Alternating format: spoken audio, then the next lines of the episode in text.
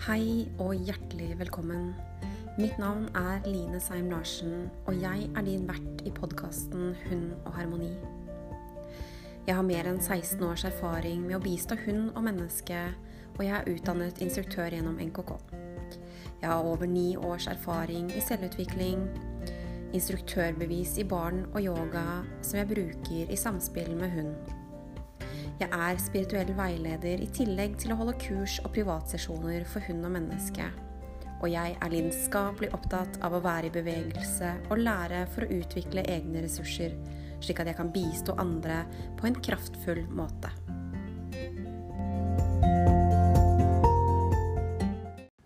I denne episoden så snakker jeg om det å ha valp, og litt om reisen vår fram til eh, den fysiske reisen fram til i dag.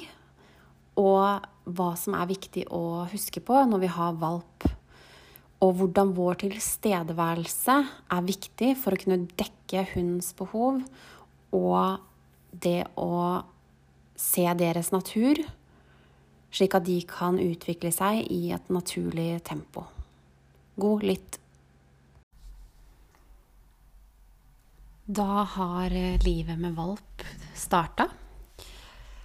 Og det kan hende at du kanskje hører knirkelyder eller eh, noe i bakgrunnen. Fordi mens jeg sitter og spiller inn denne podkastepisoden, så ligger Lille Lys ved siden av meg.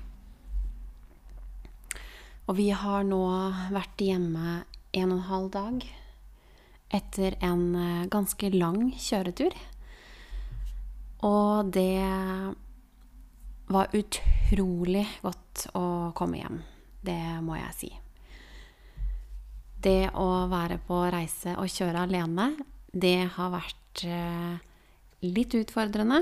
Samtidig så har det vært veldig viktig for meg Eh, å være på den reisen alene. Jeg har vært igjennom um, en reise i kropp og sjel. Og jeg har også fått uh, tid til å møte klienter i Trondheim før jeg reiste videre og henta lys. Så selv om det bare har vært borte i fem dager, så føles det ut som jeg har vært borte i mye lengre tid. For det har skjedd mye i løpet av de dagene. Jeg kjørte oppover på lørdag og henta lys da på mandag. Og vi har eh, kjørt gjennom veldig mye forskjellig vær. det, har vært, eh, det har vært en krevende kjøretur sånn værmessig sett. Men jeg kunne kjenne at jeg var godt ivaretatt eh, under hele turen. Og så hadde jeg også booka hoteller og, og sånn underveis. Det hadde jeg gjort intuitivt. Så den første hytta vi overnatta på sammen, det var midt oppå fjellet. Og jeg er veldig glad i fjellet. og det var en helt uh, perfekt start å få være på hytte. Det var masse snø. Vi fikk muligheten til å bare gå løs, følge, kose oss, leke litt i snøen og bruke tiden godt hvor vi var der. Så jeg smilte godt uh, for meg selv når jeg så at det var på fjellet, for det var jeg faktisk ikke klar over. Og det er noe helt spesielt for meg å kjøre oppover til Trondheim. Og når man kjører oppover um, fra Dombås og opp til uh, Dovrefjell, så skulle jeg faktisk hatt et kamera på. Fordi den følelsen jeg får i kroppen, den er så spesiell. Og tårene triller, og jeg ler, og jeg, jeg blir så glad inni meg. Å kjøre over Dovrefjell, det er som å kjøre gå gjennom en rens. Det er akkurat som alt som har vært, det bare Det forsvinner i det landskapet. Og så oppleves det ut som jeg får en sånn fornybar energi før jeg kan starte veien nedover til Trondheim igjen. Og jeg kjente også på det når jeg var i Trondheim, at jeg blir så varm i hjertet mitt når jeg er der oppe. Og det er andre gangen jeg er der oppe og tar imot klienter. Og det blir ikke siste gangen. det er, eh, det er noe spesielt med hele reisen. Og med den uh, energien som, uh, som, vekker noe i meg. Og jeg er spent på hva det vil føre til etter hvert. Og det å hente lys, det var så utrolig godt. Uh, for på mange måter så er det som om jeg hadde henta henne. For når man lever sånn i tråd med ressursene sine, og i og med at hun hadde vært hos meg også på energinivå, så så føles det ut som Det er akkurat som det, det fysiske nivået. Det tar jo litt lengre tid. Um, det er liksom Alt i det fysiske tar litt lengre tid. Så det å få endelig kommet opp dit og få møte henne, det var uh, utrolig vakkert. Og jeg er så utrolig takknemlig for at uh, jeg i forkant hadde fått alle de beskjedene uh, og ble vist av mine veiledere hva og hvilken valp. Fordi uh, når jeg kom opp dit, og de tingene jeg så da, hvis jeg skulle tatt det ut ifra liksom, hvordan jeg og det jeg tenker at det er, så kan det nok hende at jeg hadde tatt et litt annet valg. Men jeg skjønte det så fort jeg satte meg i bilen og fikk muligheten til å bare sette meg ned og åpne opp, så fikk jeg se alt sammen i mitt indre, hvordan det egentlig er. Og det er et sånn godt eksempel på når vi tenker, og de tingene som kanskje kommer fra utenfra, som vi har lært andre steder, og som vi kanskje har noen gang hatt noen som vi har sett opp til, som har lært oss, eller og så har det på en måte blitt vår sannhet uten at vi har tatt en sånn helt innsjekk. Er det den dype visdommen som jeg bærer i mine ressurser, som kommer fra et annet sted? Det fikk jeg så sterkt erfare når jeg satte meg i bilen. Fordi da fikk jeg jo se eh, akkurat sånn det var. Så jeg er så utrolig takknemlig for den læreprosessen. Og det at vi av og til kan bli litt lurt av eh, øynene våre. Og det var så utrolig fint å se hvordan hun samhandla med, med den familien og flokken og alt der oppe. Og jeg har også hørt at det er flere som sier at man skal ikke velge den valpen som ikke tar kontakt, for den er ikke helt tilgjengelig. Eh, og akkurat det var jo det Lille Lys Hun tok ikke kontakt med meg. Hun var i full energi med, med familien, flokken og alt det som var der oppe. Jeg var mer en sånn Meg observerte hun litt på avstand. Og gikk rundt og ga space på en veldig høflig og fin måte. Jeg så jo hvordan hun var med både barna og menneskene der. Og jeg var så utrolig takknemlig for at jeg hadde den tryggheten i grunn på det at jeg visste at hun var i midten av flokken. Fordi hadde jeg tatt ut ifra tankene mine, så hadde jeg trodd at um, At jeg kanskje hadde tatt et feil valg. Det Hun er jo en hund som er i midten av flokken. Og midten av flokken, det er jo hunder som jeg opplever har mye mer lek. Det er ikke noe tilfeldig at Cæsar kaller de happy go lucky, fordi det er, det er mye lek i dem det er mye moro i dem. De har en sånn morsom måte å se på verden på. Det er en sånn glede over de, eh, som du ikke finner på samme måte som i de sensitive hundene eller i lederhundene. Og det har hun virkelig vist meg. Og det tok ikke lang tid før hun var med meg, sånn som hun var med de der oppe. Og når jeg kjørte derfra, så satt jeg henne på setet ved siden av. Jeg kjørte et lite stykke bort, og så satte jeg meg og tok henne på fanget for at hun skulle få en tilknytning til meg og lukta av meg. For den er viktig. Det er jo gjennom nesa hundene informerer seg, så det at de får en tilknytning til lukta, og at de får en trygg følelse, er jo kjempeviktig. Og det er jo hvordan vi presenterer oss den første gangen, det som på en måte vil sette det minnet. Så jeg satt med henne i, eh, i fanget og holdt forsiktig rundt henne. Og jeg begynte faktisk å synge, og det var ikke helt bevisst. Men jeg begynte bare sånn å mumle inni meg, og det gjorde jo Det gjorde jo meg rolig også, For for jeg er opptatt av det med energi og det å, å være helt til stede. Så jeg begynte å synge 'Du er elsket', akkurat som du er. Og den gikk på repeat igjen og igjen og igjen og igjen. Og det var en sånn veldig sånn spesiell følelse, for det tok ikke så lang tid fra hun fikk muligheten til å lukte og høre lyden, til hun roa seg og overga seg helt fullstendig i, i armene mine. Og fordi jeg hadde den innsikten i forkant, gjennom ressursene, så visste jeg at hun kom til å være mentalt stødig. Og det også er jo med de eh, hundene som er, eh, har posisjoner i midten av flokken, de, de, takler ting på en veldig stødig måte. De har en evne til å møte ting. De er ikke de første til å løpe rett på, men de er rolig og balanserte i måten å være på hvis vi lar dem.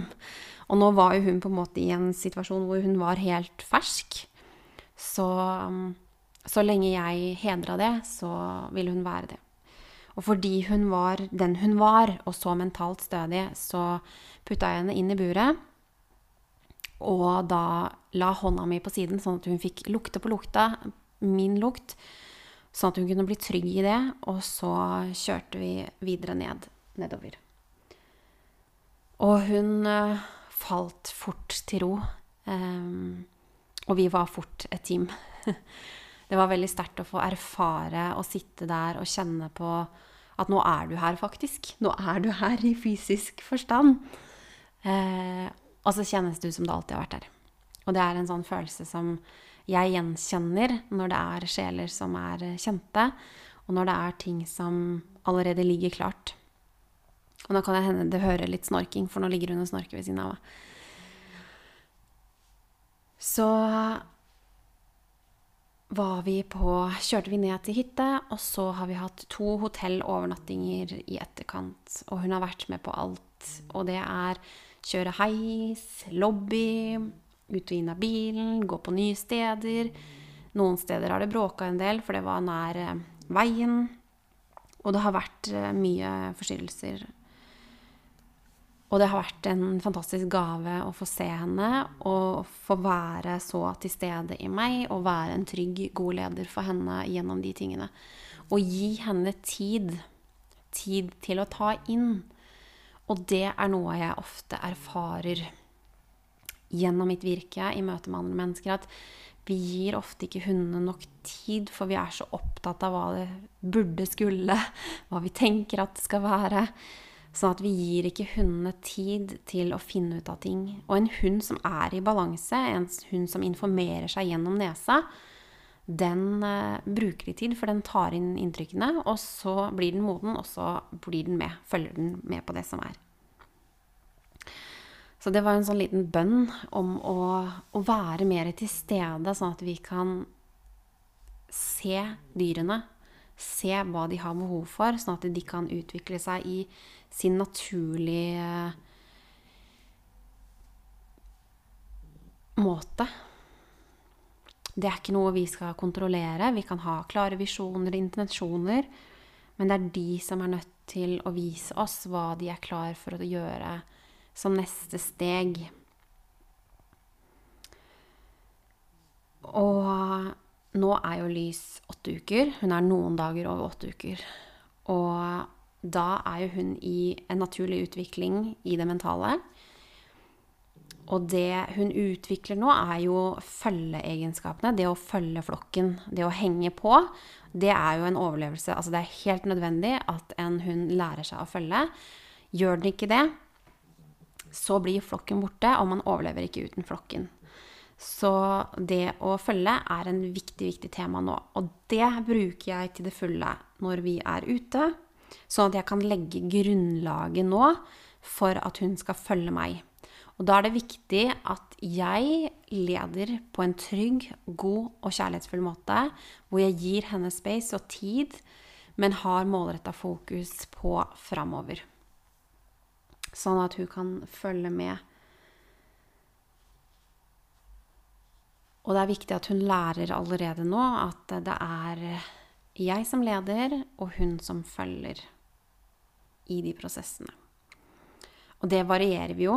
Eh, det blir ikke sånn kjempelange turer, men det er viktig. Vi har begynt allerede å gå turer. Det å gå sammen er noe av det aller viktigste man praktiserer sammen. På den turen så får man begynt å bygge samarbeid, samspill, tillit, kjærlighet, lederegenskaper. Man får bygd bånd. Og det er alle ting som er kjempeviktig for å ha et godt grunnlag for den videre reisen. Når valpen blir fire måneder, så er det et nytt utviklingstrinn som skjer, og det er da lek. Lek med andre hunder, lek med lek med mennesket, altså lek generelt. Det utvikler seg, og det blir mer naturlig at det kommer mer fram i de. Og da er det viktig å allerede ha lagt et grunnlag med å følge. Sånn at eh, når leken kommer, som er litt, ofte litt høyere energi, det er mer glede, det er mer ting som skjer der, så er det viktig også å ha den evnen bak seg, at den vet at den skal følge med. Sånn at den har et blikk på lederen, og at den har et blikk på eh, mennesket rundt det som skjer, så det ikke bare forsvinner av gårde ut i intet. Og det skjer da til de er seks måneder. Og når de er eh, seks til åtte måneder, så er det et nytt utviklingstrinn igjen. Og det er da utforske. Da slår mer Altså nesa De har mer behov for litt mer Litt større drag. Det er da vi ofte ser at hundene eh, går litt lengre avstander og blir mer selvstendige der ute, for de har behov for å utforske og husk på at alt det de lukter, alt er informasjon. Absolutt alt er informasjon. Sånn at eh, de kan da fort bli at de drømmer seg litt inn i, i luktene. Og 60% av hjernen er styrt av nesa. Sånn at er de helt i det, så er det klart at det, det kan da bli vanskelig å få kontakt med de. Det er en naturlig del. Men har man da brukt tiden godt på de to til fire månedersperioden med følge og fire til seks månedersperioden med lek, så har man også kunnet leke inn det at eh, de skal ha en sterkere tilknytning til lederen sin. Og det er jo viktig å vite disse tingene, fordi når vi vet de tingene, så gir vi også mer rom for de naturlige prosessene hundene går igjennom. De går jo også gjennom mye hormoner og utvikling i kroppen sin. Og ved seks eh, til åtte måneders alder så begynner jo mange tisper kan få løpetid. Mange hannhunder begynner å løfte på beina. Det skjer mye i kroppen, eh, og hormonelt også. Så det er viktig å, å være bevisst, sånn at man har fokus på å bygge og lære hunden på en god og trygg måte hva vi ønsker av dem. Vi eh, har jo allerede vært og gått litt turer rundt. Og koser oss veldig med å, å ha fokus på det å, å, gå sammen og det å være til stede i en aktivitet som betyr mye både for mennesker og hunder det å gå for en hund, det hjelper jo hunden med å bli kvitt overskuddsenergi og hjelper den inn i balanse. For oss er det jo en enorm rens, og det gjorde jo det å kunne gå og bruke beina. Og når man gjør dette sammen, noe som er veldig naturlig både for menneske og hund, så forsterker jo det alt av eh, samspillet. Det som også er enormt viktig med valpene, sånn jeg ser det, det er jo hvordan vi presenterer eh, hunden for nye omgivelser. Og det å møte andre ute og lære at det, selv om det kommer andre hunder på tur, andre mennesker, det er andre ting som skjer, så betyr ikke det at vi skal stoppe å hilse. Det at valpen får lov til å få tid på seg til å utforske litt og bruke nesa. Lys bruker nesa veldig mye. hun stopper opp og informerer seg hvis det skjer ting rundt. Så er det et eller annet hun plutselig skvetter litt av, så stopper hun opp og så bruker hun nesa. Veldig sånn fin, balanse, balansert måte å gjøre det på. Og det gjør jo ofte de i midten av flokken, for de har en mer ro over seg til å møte og det som man ofte kaller avreagering når man tar mentaltester. Man ser på hvor fort hunden avreagerer. Sensitive hunder de bruker lengre tid på avreagering, for de trenger tid på å lande kroppen sin igjen. Og det krever mer av mennesket eh, sånn energimessig i øyeblikket hvis de først blir satt ut av spill, og at de møter ting med frykt. Sensitive hunder kan fort møte ting med frykt. Så det er veldig viktig at mennesket da er så jorda og til stede for å kunne hjelpe dem gjennom de hundene i midten av flokk, det krever en trygg og god leder. Men de har større evne til å avreagere og, og handle i situasjonen basert på den tryggheten de bærer inni seg fra før. Og jeg er jo veldig, veldig opptatt av at uh, vi ikke lærer hundene å hilse i bånd uh, på tur og spesielt opptatt av at vi er kjempenøye på hvilken energi hundene har før de får lov til å hilse. For en hund som lærer å hilse på mange hunder fra tidlig alder av, noe som er veldig menneskeskapt, det at en hund har behov for å sosialisere og miljøtrene og være sammen med mange andre hunder og lære godt språk, det er kjempeviktig. Veldig, veldig viktig. Men det får den ikke av å møte hunder på tur i bånd og snuse og hilse på alt. Veldig, veldig ofte så er de hundene Størsteparten av hundene her i Norge er i ubalanse. Og det vil si at de har en høy energi de har en eh, energi som ikke er mottakelig for å ha et sunt hilserituale. Så det å være kjempenøye på at man lærer hunden å følge på tur, og når man møter andre hunder, at man skaper en trygg setting og helt naturlig setting av det, uten at de skal hilse. Og at hunden lærer å gå ved siden av vår side ikke i front. En hund som går i front, den må ta ansvar, fordi den er jo foran. Og veldig ofte så setter vi hunder som er bakerst i flokken eller midten i flokken, og også en hund som er foran i flokken, som er en lederhund. Uansett hvilken posisjon den har i flokken, så den vil takle det forskjellig. Men sånn for lederskapet sin del, hvem som faktisk styrer hverdagen, så er det enormt viktig at de, går, at de lærer å gå ved siden av til de er modne nok til å møte ting der i front. Det er ikke sikkert at hunden kanskje noen gang blir moden til å møte en hund som er høy energi, som utagerer, der foran i front. Jeg personlig lar aldri hunden min gå foran i front i møte med andre ting, mennesker, hunder, fordi jeg ønsker å hele tiden praktisere at det er jeg som leder. Du er trygg med meg, og jeg beskytter og verner om deg i hver eneste situasjon. Slik at du lærer at det er ro og balanse, og du kan bare være. Du trenger ikke å ta noe ansvar som ikke er ditt å ta. Så dette er en sånn liten bønn til, til meg, til dere der ute.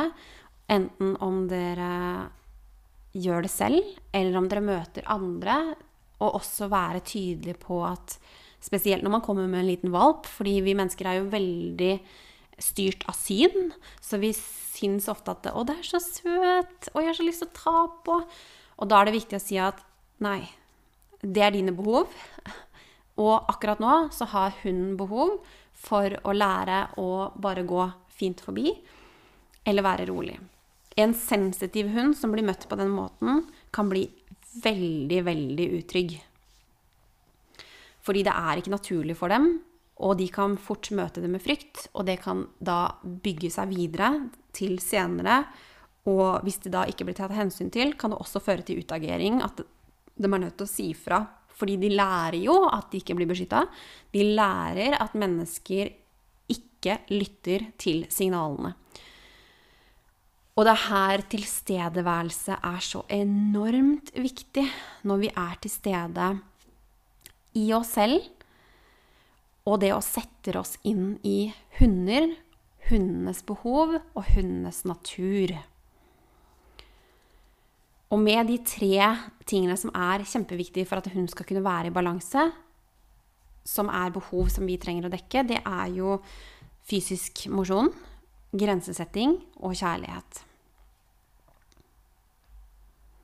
Så er det jo også hvordan vi velger å gjøre det. Det kommer jo an på om vi blir sett på som en leder, en stabil, trygg, god leder, eller om vi blir sett på som en ustabil leder. Og da får vi heller ikke det resultatet vi ønsker. Og her er det fantastisk det å bruke hund som et speil. Hva er det vi får tilbake, og hva er det vi kan endre og justere i oss selv? For den vil alltid speile ærlig på det vi da sender ut i det øyeblikket, om vi er klare og tydelige på intensjonen med det vi gjør. Og et lite, en sånn liten um, historie fra fra turen vi hadde nå hjem fra um, å hente lys, så var det viktig for meg å være helt til stede i bilen. Jeg hadde ikke på noe musikk, jeg hørte ikke på noen podkaster. Det var bare helt stille i bilen fordi jeg trengte å være helt til stede i kropp og i sjel. Og ha fokus på å kunne være der for henne energimessig, men også fysisk, ved å kjenne etter om hun hadde noe behov underveis. Og på en sånn reise så er det jo selvfølgelig viktig Vi stoppa jo flere ganger, og vi var jo på tur. Hun fikk gå, hun var på nye steder. Fikk mat, vann, altså alle de tingene. Men det som var en veldig sånn vakker eh, opplevelse for meg, det var når vi kjørte nest siste dagen. hvor jeg sitter og kjører. Eh, det var en av de lengre etappene. Så kjenner jeg plutselig at hun trenger kjærlighet. Den bare kicka inn. Hun trenger kjærlighet. Og da var det bare å stoppe bilen. Og det er jo viktig å huske på at en valp som akkurat har blitt tatt vekk fra mammaen sin, flokken sin, alle de tingene Kjærlighet Altså, dyrene, de er jo veldig nær. De sover jo Når de er valper, så sover de ofte oppå hverandre. Inntil hverandre hele tiden. De klapper jo ikke på hverandre, men de, de sover inntil, så kjærlighet er nærhet. Så jeg stoppa bilen eh, rett etterpå og satte meg bak i, eh, i baksetet og åpna buret, og hun kom da og la seg inntil. Og sånn satt vi en liten stund til jeg kjente at nå var det greit. Og det var også et viktig behov å dekke for å være der følelsesmessig for henne. Det er like viktig som at vi er der til stede og dekker de fysiske behovene følelsesmessig nærhet, følelsesmessig tilstedeværelse, er jo det som avgjør om det oppleves som kjærlighet eller ikke av mottakeren. Så det var en veldig vakker opplevelse for meg å erfare det så sterkt og kjenne det så sterkt, og også kjenne på det at i forkant Hun peip ikke, det var ikke noe mas. Hun lå helt stille før jeg kjente det i mitt indre. Så det var ikke noe tegn utvendig på at hun trengte det. Og jeg er også veldig opptatt av at eh, selv om det er en valp, at jeg er veldig klar og tydelig på hva jeg nærer. Så når hun har masse, masse energi og ja, kanskje piper eller gjør de tingene, så tar jeg henne ikke inntil meg og så holder rundt henne og, og koser med henne. Jeg venter til hun er rolig når det kommer til kos. Hun skal være rolig før hun får mat, hun skal være rolig før hun går ut av døra. Selv om hun er en liten valp, så skal hun være rolig inn og ut av døra. Det har noe med å sørge for at hun får være i sin balanse. Men det var derfor det også det her var så sterkt for meg å få erfare at den tilstedeværelsen Og jeg har sagt det før, og jeg kommer til å si det mange ganger igjen. Når vi er til stede i oss selv, så får vi den informasjonen vi trenger når vi har valgt å åpne opp for det. Så jeg håper at kanskje dette har vært med på å skape litt eh, nye måter å tenke på. Og kanskje også inspirere til å være mer til stede. Være mer til stede i alt vi gjør. Og er det én ting jeg har lært på alle de årene med hund, så er det Er vi ikke til stede, ja, da får vi erfare det tilbake. De speiler det med en eneste gang gjennom handlinger hvor vi er en i oss selv. Så ved å bruke det bevisst, ved å ta det til oss at ok, greit, nå er det noe jeg trenger å se på, nå er det noe jeg trenger å gjøre og endre på, så er vi følelsesmessig til stede for de rundt oss.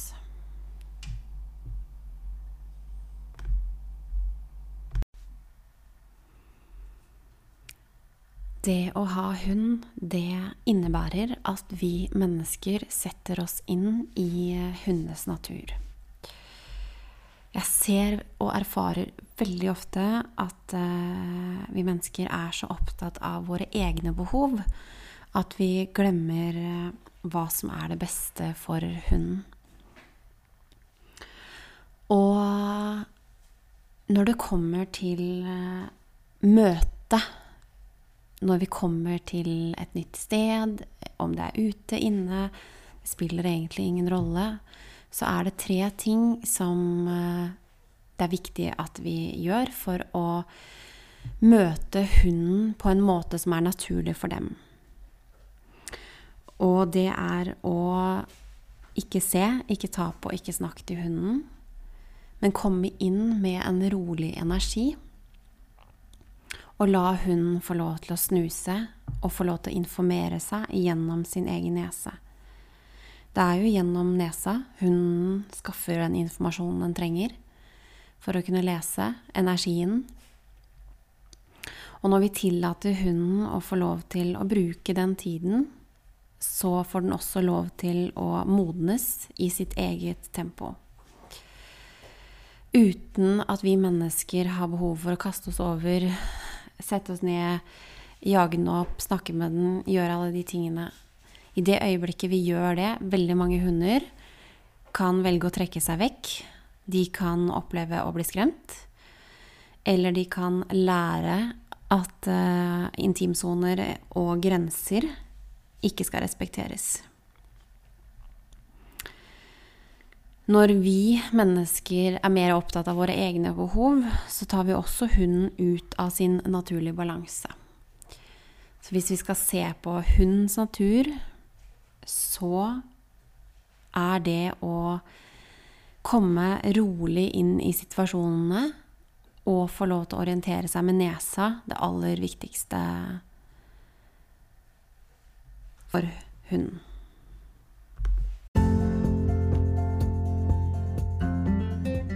Da kommer denne episoden snart til en slutt, og jeg håper at det har gitt deg litt inspirasjon og litt å tenke på.